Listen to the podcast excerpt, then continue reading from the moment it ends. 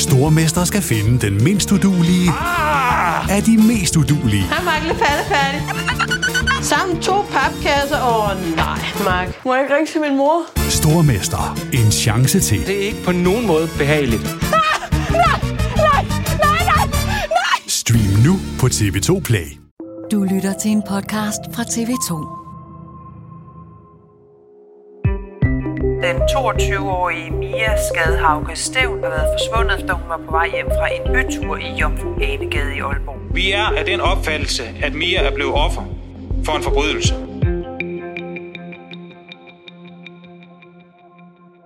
I dag blev den nu 38-årige Thomas Thomsen idømt forvaring på ubestemt tid for voldtægtsforsøg og drab på den 22-årige Mia Skadehauke Stævn i februar sidste år. Den dom den har han anket til frifindelse. Han blev så også dømt for usømmelig behandling af lig, fordi han efterfølgende parterede offeret og begravede hende flere steder i Dronninglund Storskov, 30 km nord for Aalborg. Og kvinden, der har haft opgaven med at forsvare ham igennem alle de ni retsmøder, vi har været igennem retten i Aalborg, det er dig, forsvarsadvokat Mette Grit Stage. Mette Grit Stage, altså en forvaringsdom. Du gik efter 16 års fængsel, så umiddelbart, hvad er din reaktion på den strafudmåling, der kom ved retten i Aalborg i dag? Jamen altså, det er jo selvfølgelig ikke tilfredsstillende for min klient. Han har hele tiden gjort gældende, at han var uskyldig i, i drab og, og voldtægt, og, og når man så ender med en bundlinje, der hedder forvaring, så er det klart, at så har man sådan rent fagligt set jo ikke præsteret det, klienten ønskede, man skulle præstere. Men nu blev han kendt skyldig i forsøg på voldtægt og drab, usømmelig behandling af lige, som han havde erkendt, at han havde begået. Øh, så når man tager udgangspunkt i det, Hvorfor så 16 år i stedet for forvaring? Hvorfor er forvaring så slemt, synes du? Ja, men ud fra det scenarie, som retten har lagt til grund af det, man er fundet skyldig i, der er det så min opfattelse, at der skulle han have øh, 16 år og ikke forvaring. Og, og for den enkelte tiltalte, så det der med at få forvaring, det er øh, en ekstra stor belastning, fordi modsat 16 år, så ved man ikke, hvornår man kommer ud på en forvaringsdom. Og det er det, der gør, at de her tidsubestemte straffe, både forvaring og livstid, det opleves af, af de dømte som meget, meget belastende. Når man har fået en forvaringsdom, så kan man søge om at få lov til at komme på udgang efter 10 år, og så kan man søge om at få ophævet sin sanktion efter 12 år, men det er jo altså sådan, at det skal indstilles for det sundhedsfaglige personale, og så er det retten, der skal tage stilling til det. Der er flere emner, jeg gerne vil vende med dig, både det at forsvare en klient, som mange mennesker decideret mener er et monster. Jeg vil også tale med trusler direkte mod dig, som du har modtaget som hans forsvar, men også sådan, hvad en forsvarsjob helt konkret går ud på, herunder også sådan de etiske og juridiske og forsvarsmæssige vurderinger, du tager, når du er forsvar i så voldsom en sag. Du har i dine øh, 20 år som forsvarsadvokat været forsvar i rigtig mange forskellige sager. Voldtægtssager, til syrienkrigere, hjemvendte kvinder for IS-lejre, så den her sag i Aalborg. Du overtog den fra en anden forsvarsadvokat den 20. april sidste år, omkring fire uger efter, at han var blevet varetægtsfængslet. Hvordan sker sådan noget? Bliver man ringet op? Ja. Politiet eller ham? Eller? Det sker på den måde, at man bliver kontaktet af klienten, eller nogen, der kontakter en på vegne af klienten. Jeg må ikke selv ligge og ringe til klienten og spørge, har I ikke lyst til at få mig som forsvar? Helt konkret i den her sag blev jeg kontaktet af politiet, som, som oplyste, at han havde bedt om at få mig, og om jeg vil tage sagen. Og hvad siger man så? Hvad siger du? Jamen altså normalt så siger jeg jo ja, fordi det er jo det her, der er mit arbejde, det er at være forsvarsadvokat. Øhm, det her var jo selvfølgelig en sag, jeg havde hørt om, det har alle i Danmark jo. Og, øhm, og, det, og det var faktisk sådan øh, helt undtagelsesvis sådan, at, at jeg lige bad om lidt betænkningstid, fordi jeg skulle sådan lige vende skroen og vurdere på, om jeg, ja, om jeg magtede det. Hvorfor? Fordi når det er en sag, som er så bestialsk og forfærdelig som den her er, så er det klart, at det er en sag, der er meget fokus på fra mediernes side og fra borgernes side. Og jeg kunne godt regne ud, at der vil følge rigtig meget andet med, end bare det at forsvare ham ind i retten. Men alt det her, som jeg kalder udenomsflimmer, som jo er det der med, at, at der er mange øh, almindelige mennesker, som har svært ved at forstå den rolle, man har som forsvarer, og som tænker, jamen hvis det er sådan, at hun forsvarer ham, så synes hun, det er i orden, at han er parteret øh, afdøde øh, altså ligesom sætter lighedstegn mellem forsvaren og klienten og forbrydelsen. Men, men altså, det er jo ikke rigtigt. Det er ikke sådan, det er. Jeg forsvarer en klient. Jeg forsvarer ikke partering, drab eller andre forbrydelser. Så, så, øhm, så derfor er mit udgangspunkt, at jeg siger ja, hvis jeg har tiden og kompetencen. Og da jeg lige havde øh, overvejet det i den her sag, der, der sagde jeg så også ja. Så der blev vejet for og imod. Hvad var det så konkret i den her sag, der gjorde, efter du lige skulle vende skruen, som du siger, at du sagde ja? Jamen det var jo, at det er øh, min profession, det er mit job, det er, det er ligesom det, jeg har valgt at hellige mig, det er at være forsvarsadvokat. Og så er det jo sådan lidt tudfjæsagtigt, at man sådan siger, ah, men jeg ved ikke, om jeg magter alt det der, fordi det er også træls folk, de mailer til mig grimme ting. Altså så, så jeg vil sige, dengang jeg sådan lige havde sundet mig, der var egentlig nærmest sådan lidt, øh, lidt flov over, at jeg ikke bare havde sagt ja med det samme, fordi det er det, der for mig ligger i at være forsvarsadvokat. Der er sket meget siden. Jeg tror, jeg interviewede dig i en sag, der handlede om øh, falsk anmeldelse af voldtægt, som havnede i den særlige klageret. Jeg havde aldrig mødt dig før på det tidspunkt, og der var vi jo ikke så mange til at dække det her retsstof, kriminalstof. Nu er der rigtig, rigtig mange medier, og dermed bliver man jo også meget eksponeret i forhold til for eksempel for 20 år siden. Det har også betydet, at der er rigtig mange forsvarsadvokater, der faktisk nogen har været ude og sige, at de har grænser, at de for eksempel ikke vil forsvare en klient, som har begået seksuelle overgreb på børn. Har du nogen grænser? Nej, det har jeg ikke. Øh, og det har jeg ikke, fordi, igen, jeg mener, når man er forsvarsadvokat, så tager man de sager, der kommer til en, hvis man har kompetencen. Jeg tager ikke sager om økonomisk kriminalitet, det er jeg ikke ret god til. Øhm, og, og jeg vil ikke stille mig selv i en situation, hvor jeg skal ud og vælge mellem kriminalitet, altså vurdere på, vil jeg, vil jeg hellere forsvare en, der har lavet et groft røveri og, og måske dræbt øh, en ældre dame eller voldtaget hende, end jeg vil forsvare en, der er sigtet for at have pillet ved et barn. Øh, så, så, så jeg synes, at hvis man har den indstilling, man ikke tager alt, så, så sætter man sig selv i en situation, hvor man skal vælge mellem kriminalitet, og, og det vil jeg ikke. Øh, og så er der jo altså også det ved det, at når man påtager sig en sag, så ved man jo ikke, om klienten er skyldig. Hvad så, hvis man som forsvar har sagt nej til at forsvare en, der er sigtet for pædofili, og så viser det sig, at han var uskyldig?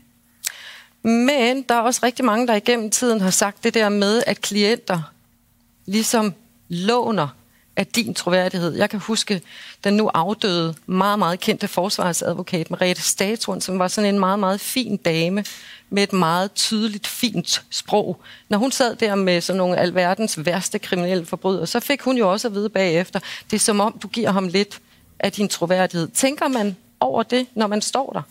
Jamen altså, alle forsvarsadvokater vil jo gerne gøre det godt og, og vise, at man har en høj troværdighed, integritet osv. Og, og hvis det er sådan, at retten øh, tænker det om en, jamen så er det jo bare noget, man kan være glad for som forsvarsadvokat. Og hvis det så på en eller anden måde øh, drøber lidt på klienten, hvilket jeg dybest set har svært ved at tro, det mm. gør, når sagen den skal afgøres i sidste ende, jamen så er det jo bare sådan, det er. Det er der vel ikke noget galt i.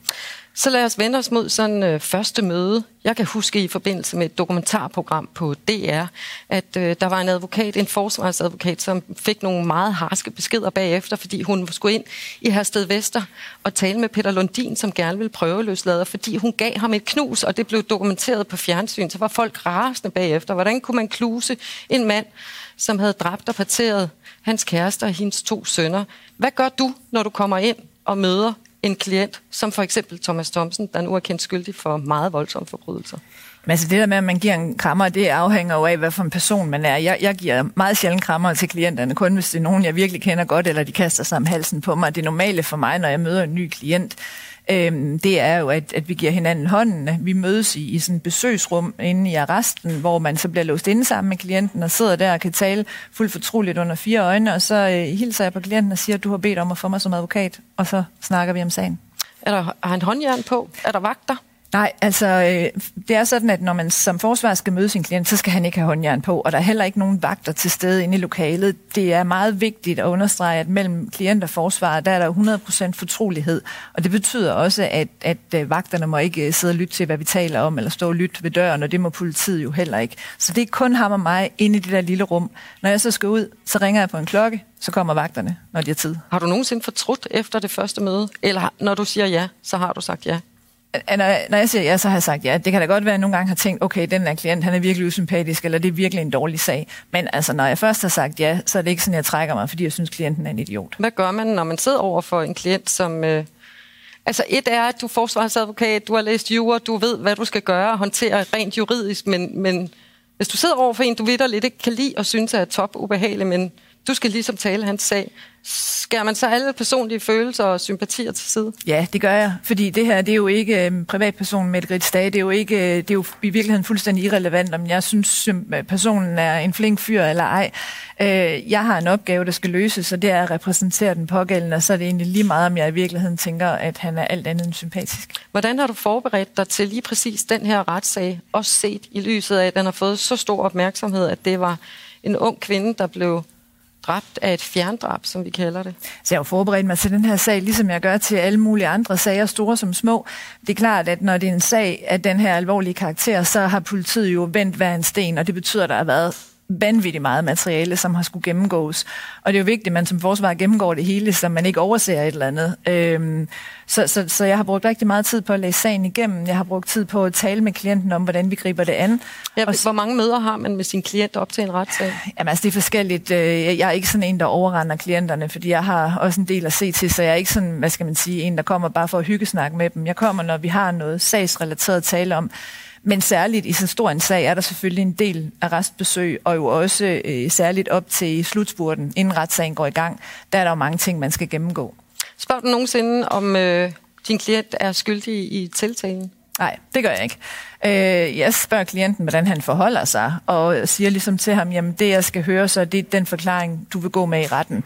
Altså, jeg har ikke noget behov for at øh, udfritte mine klienter om, hvorvidt de reelt er skyldige, hvis det er, som de ønsker, at jeg skal sige, at de er uskyldige. Har du nogensinde haft en klient, som sagde, at jeg er skyldig, men du skal simpelthen gå efter en frifindelse? Ja, ja, det har jeg. Øhm, nogle gange så siger Det kan de- folk ikke forstå, at du Nej. kan det. Nej, men det er jeg jo nødt til, fordi hvad så, hvis der er, jeg siger nej til den? Så går han til den næste advokat, som han også når at få fortalt, eller som måske selv kan se, det åbenlyst, han er skyldig. Han vil heller ikke tage den. Så går han til den tredje, den fjerde, den femte. Så står vi jo lige pludselig i en situation, hvor dem, som fortæller advokaten, de er skyldige, eller hvor man åbenlyst kan se, de er skyldige, selvom de nægter det, jamen, så kan de ikke få en forsvar, fordi det er der ikke nogen forsvar, der Men betaler. der er mange, der vil tænke, hvordan kan du stå i retten og forsvare en mand ud for en frifindelse, når du ved, at han er skyldig? For det har han selv sagt til dig. Det forholder jeg mig ikke til. Øh, hvis han har sagt det til mig, så skynder jeg mig lige at pakke den oplysning ind i en lille kasse og, og gemme den væk, fordi det er ikke en oplysning, jeg har øh, brug for i mit arbejde. Altså Hvorfor tværtimod. ikke? Hvorfor ikke? Fordi jeg arbejder ud fra det, vi gør gældende ind i retten. Så hvis han ind i retten siger, at han er uskyldig, så er det jo det, jeg skal arbejde ud fra, og det er forpligtet til sådan rent advokatsetisk. Så det er de advokatetiske regler, der foreskriver det, fordi der er mange, der vil tænke, ja. Hvordan kan man det som Men, person? men det er jo ikke kun de advokatetiske regler, det er jo også det hele vores retssamfund er baseret på, at alle skal have en forsvar. Og hvis det så er, at de skyldige, de også har fået en forsvar, jamen så kan vi jo bagefter kigge hinanden i øjnene og sige, okay, han var skyldig ham her, vi kaster ham i fængsel i, i så og så mange år, men han havde en retfærdig rettergang. Og det skal vi jo være glade for, at vores retssamfund er på den måde. Det er faktisk også noget af det, jeg har hørt fra folk her i Aalborg, at øh, de har fulgt med, fordi det er vigtigt for dem, at tiltalte bliver kendt skyldige på det rigtige retslige grundlag, at øh, offret for ordentlig behandling og bliver behandlet respektfuldt, men at det er truffet på den rigtige juridiske måde, fordi ellers så vil det også være svært for folk at komme videre her i Aalborg. Og det viser jo netop, at, at de folk, de har forstået, hvordan retssystemet hænger sammen, og det synes jeg er dejligt at høre. Og som du nok ved, så har vi fået mange, jeg tænker ikke, at du har siddet og fulgt med på diverse liveblog i aviser og hos TV2 og DR og så videre undervejs, men der er rigtig mange spørgsmål. Folk stiller meget juridiske og tekniske spørgsmål, men også meget, meget følsomme spørgsmål, og også rigtig mange, der handler om dig. Esben, han har spurgt, jeg gad godt vide, hvor meget Mette Grits Dage har lagt i hendes forsvar. Har tidligere hørt om forsvars advokater, der ikke prøver, og det er i citationstegn så ihærdigt. Hvad vil du svare Esben her? Jamen, jeg har lagt meget i det. Og det mener jeg jo er min, øh, min opgave. Altså, hvis man vælger at påtage sig en sag, så er man jo nødt til at lægge, øh, lægge alle sine professionelle kræfter i den. Ellers så giver man jo ikke klienten en færre behandling. Ligesom spørger også, er der regler for, hvordan en forsvar må vejlede sin klient i forhold til hvad? Altså, hvor meget han skal sige i retten, og hvordan hans udsagn skal vinkles. Vi hørte jo for eksempel domsmandsretten i skyldskendelsen sige, at det var utroværdige forklaringer. Det var som om, de var fabrikeret til lejligheden. Går du ind og sådan hjælper ham med at komme med sætninger, når han skal Nej, sidde? Det gør jeg ikke. Det må man ikke. Man må ikke sådan sidde med klienten og så konstruere hans forklaring. Det er klienten, der skal give forklaring. Det er jo ikke forsvaren. Så det, man kan gøre, det er jo, at man kan sige til klienten, jeg synes slet ikke, du skal udtale dig. Mm. Øhm, nu kom jeg ind i den her sag på et sent tidspunkt, hvor min klient han havde udtalt sig rigtig meget til politiet. Men, men ellers så kan man jo sige til klienten, jamen altså, hvis du siger sådan og sådan, så er det det scenarie. Hvis du siger sådan og sådan, så er det det scenarie. Men, men det er ikke mig, der skal vælge, hvilket scenarie klienten han skal gå med, fordi igen, det er hans forklaring, det er ikke forsvaren, og det er strengt forbudt at sidde og, og, og sammen lave en eller anden øh, fabrikeret, konstrueret øh, forklaring. Lige nu er der jo faktisk en forsvarsadvokat, som er blevet genstand for en, øh, en, en, en måske en senere retshandling, simpelthen for at have øh, ikke fabrikeret, men konstrueret en udtalelse til sin øh, klient øh, i forbindelse med en forklaring. Altså, man kan jo ikke tjekke dig, fordi du sidder jo sammen med klienten inde i et lokale, hvor der ikke er overvågning. Men det er simpelthen ikke noget, man gør, og hvis man gør, så kan man komme efter det. Det gør man ikke, og man gør det jo ikke, fordi man tænker, at det ikke bliver opdaget. Man gør det, fordi at man netop, hvis man sådan skal stå moralsk og etisk til ansvar for at være forsvarsadvokat, så er man nødt til at gøre det inden for spillereglerne. Og den sag, du refererer til, øh, lad os nu se, om der skal domfældes i den. Det har jeg svært ved at tro. Jeg kender den pågældende som en hederlig advokat. Der er rigtig mange, som har stillet spørgsmålstegn ved den her måde også at udspørge vidner på. Der har jo været karaktervidner i den her sag. Det var der på dag 3 og dag 5. Du var meget sur over, eller du var ikke tilfreds med, at de karaktervidner blev brugt i retten, for de kan jo ikke sige noget om den konkrete øh, forbrydelse. De skulle ligesom tale rundt omkring den tiltalte og komme med vurderinger og synsninger og måske også historiske forklaringer om, hvordan han var. Øh, en af de tidligere kærester til den nu dømte mand, hun fortalte, hvordan tiltalte havde været grænseoverskridende, når de havde sex. Der kommer så et modspørgsmål fra dig, hvor du spørger om, om hun har sendt nøgenbilleder til ham. Det svarer hun så ja til. I den forbindelse så er der rigtig mange, som, øh, som har reageret på det. Altså, at du indirekte er med til, som man siger lidt, at slotshame den her kvinde ved at stille det her spørgsmål. På en måde implicit sige, mm. Nå, hvis du har været udsat for grænseoverskridende sex, du har jo også sendt billeder til ham. Hvor meget tænker du over sådan et spørgsmål? Også set i lyset af, at du er kvinde, og der sidder kvinder derude og holder øje, og det er en kvinde, der er blevet dræbt. Jamen, det tænker jeg da meget over, men jeg tænker ikke over det, fordi jeg er kvinde, eller fordi det er en kvinde, der er blevet dræbt. Jeg repræsenterer min klient øh, under alle omstændigheder, og skal først og fremmest tænke på hans interesser. Men jeg stiller jo ikke sådan et spørgsmål for sjov, eller for at genere vidnet. Det man jo først og fremmest skal huske her, det er, at de anklagerne, anklageren, der har indkaldt de her vidner og vurderet, at de skulle trækkes igennem det her, hvor de skulle sidde og fortælle om deres sexliv med min klient. Og det var jo fordi anklageren ønskede at få min klient til at fremstå som sådan en eller anden freak med et sygt aparte sexliv.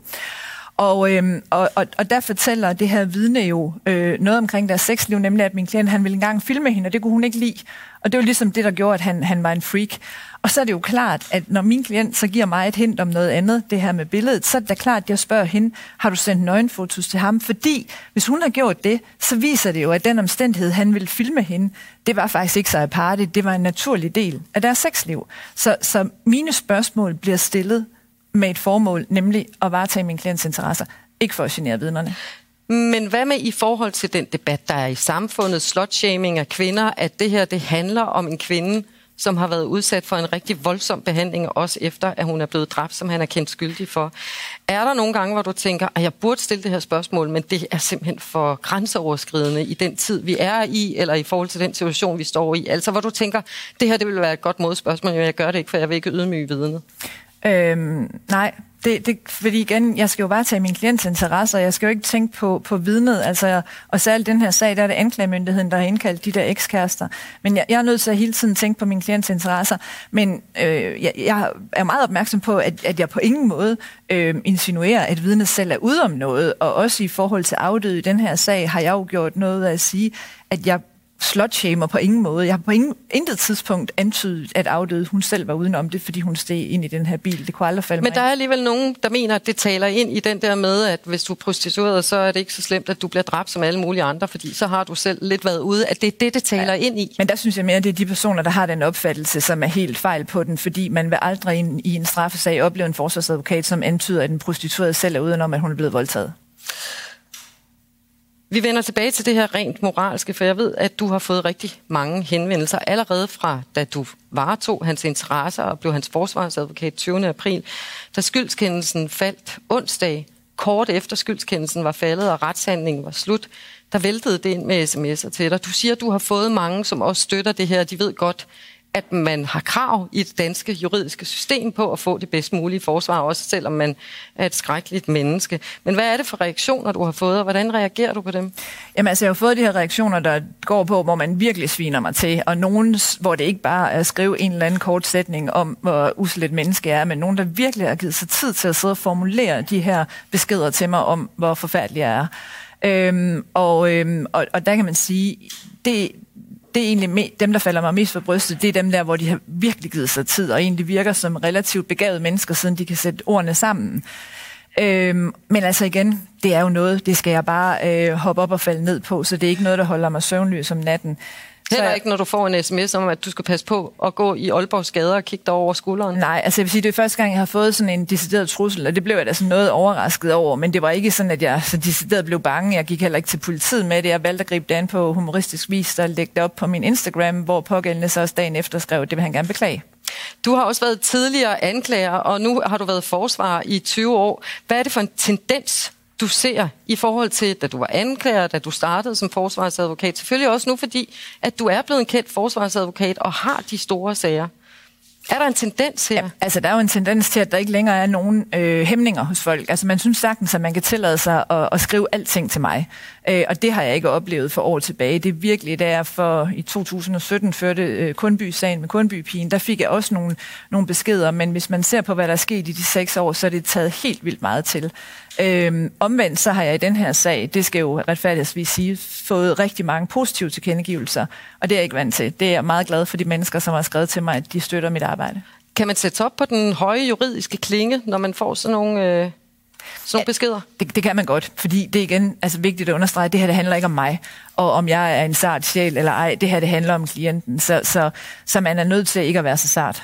Der er også nogen, der spørger ind til din kommentar i og uden for retssalen, når du efter skyldskendelse og dom fortæller, hvordan din talsmand har det, at han er chokeret og ked af. Så er der nogen, der siger, så lyder det som om, du er hans talsmand i stedet for hans forsvar. Jeg skal måske lige undsige dig lidt, fordi det er jo meget tit også reportere, der står foran dig og siger, hvad er hans reaktion? Ja. Men tænker du over overvalget? Han er chokeret, han er ked af det. Jamen, ja, det øh, er Mias forældre i den grad også. Jamen, selvfølgelig er det det, og det er jo ikke fordi, man skal drage en, en sammenligning. De har mistet deres dyrbareste ejer, det er jo ganske, ganske forfærdeligt. Men, men når man kommer ud af retssalen, når der står et hav af journalister, så kan man selvfølgelig vælge at sige, at jeg har ingen kommentarer. Øh, jeg drøfter med klienten, inden sagen går i gang, hvordan vil du have, at vi skærer den her? Og langt de fleste klienter ønsker, at man siger et eller andet, fordi de vil også gerne ligesom blive hørt. Det er jo ikke, fordi man er deres talsmand, men det er, fordi man er deres talerør. Så derfor øh, er det for mig helt naturligt, at man også som forsvar har en kommentar til sagen, så det ikke kun er pressens og politiets udsagn, der, der kommer frem. Og han får jo lov til, efter skyldskendelsen, og også efter, før de optog sagens dom, så øh, henvender retsformanden sig til ham og siger, du får lov til at tage det sidste ord. Det gjorde han ikke. Hvordan råder og vejleder man sin klient i forhold til det der med at stille sig op og tage det sidste ord? Jamen altså, det er min opfattelse, at i en straffesag, det man som tiltalt gerne vil sige, det skal man få sagt øh, indledningsvis under afhøringen. Man skal ikke begynde at komme med en eller anden lang forklaring under det sidste år. Så jeg plejer at sige til mine klienter, medmindre de virkelig har noget på hjerte, øh, så tig stille til sidst. Under selve retssagen, det nævnte jeg også før, der har du opponeret mod de såkaldte karaktervidner, mod at anklageren sådan minutiøst beskrev parteringen af offeret. Jeg tænker også på, at du både har været bevidst og vidne om, at hendes familie sad der og lyttede til alt. Hvordan håndterer man som forsvar for en mand, der er tiltalt for at have forvoldt dem så meget smerte, når de sidder derinde? Det er også svært. Altså jeg vil sige, det der har da været det værste for mig i den her sag, det har ikke været at læse alle de makabre detaljer. Det har i virkeligheden været bevidstheden om, at afdødes familie har siddet i retssalen, fordi øh, altså ens hjerte bløder jo for dem, øh, også mit stenhårde hjerte. Øh, og, og, og, sidde, og, og vide, at de sidder dernede og, og, og, og hører, hvad jeg siger, og nogle gange selvfølgelig tænker, hvor er hun dog forfærdelig at høre på hende forsvaren.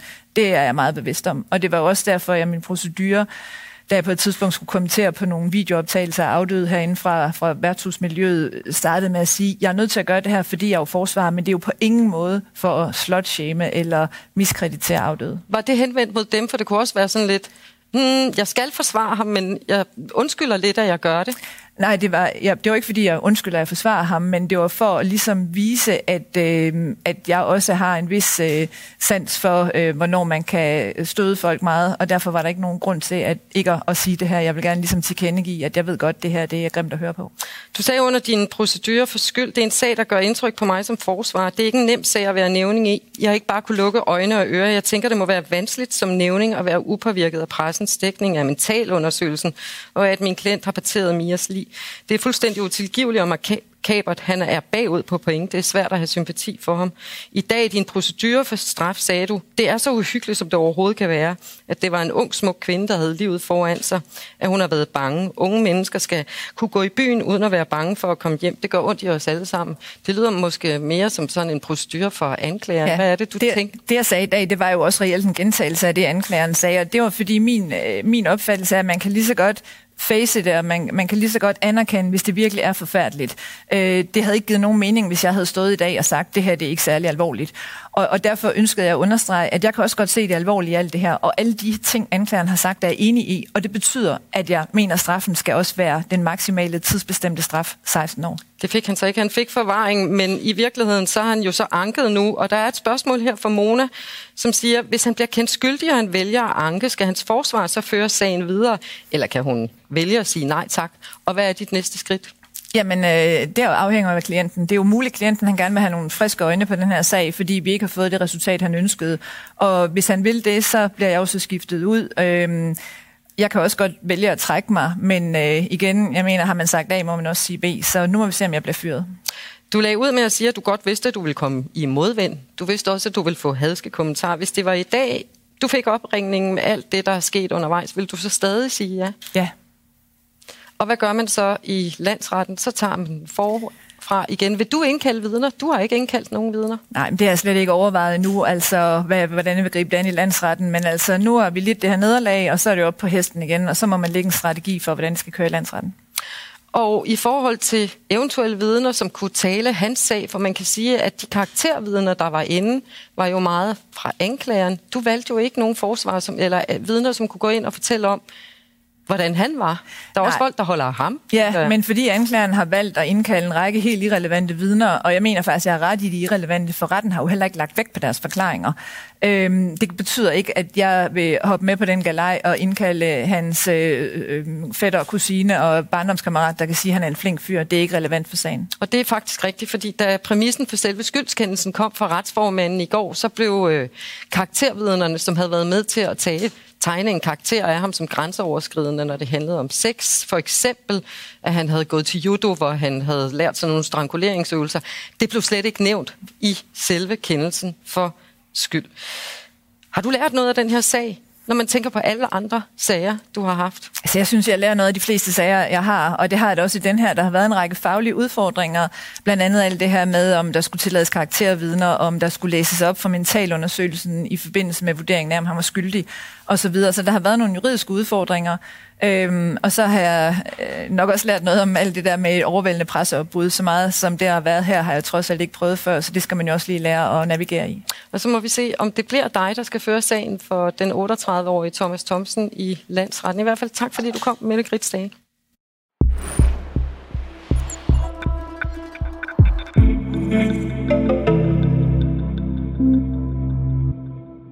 Du har lyttet til en podcast fra TV2.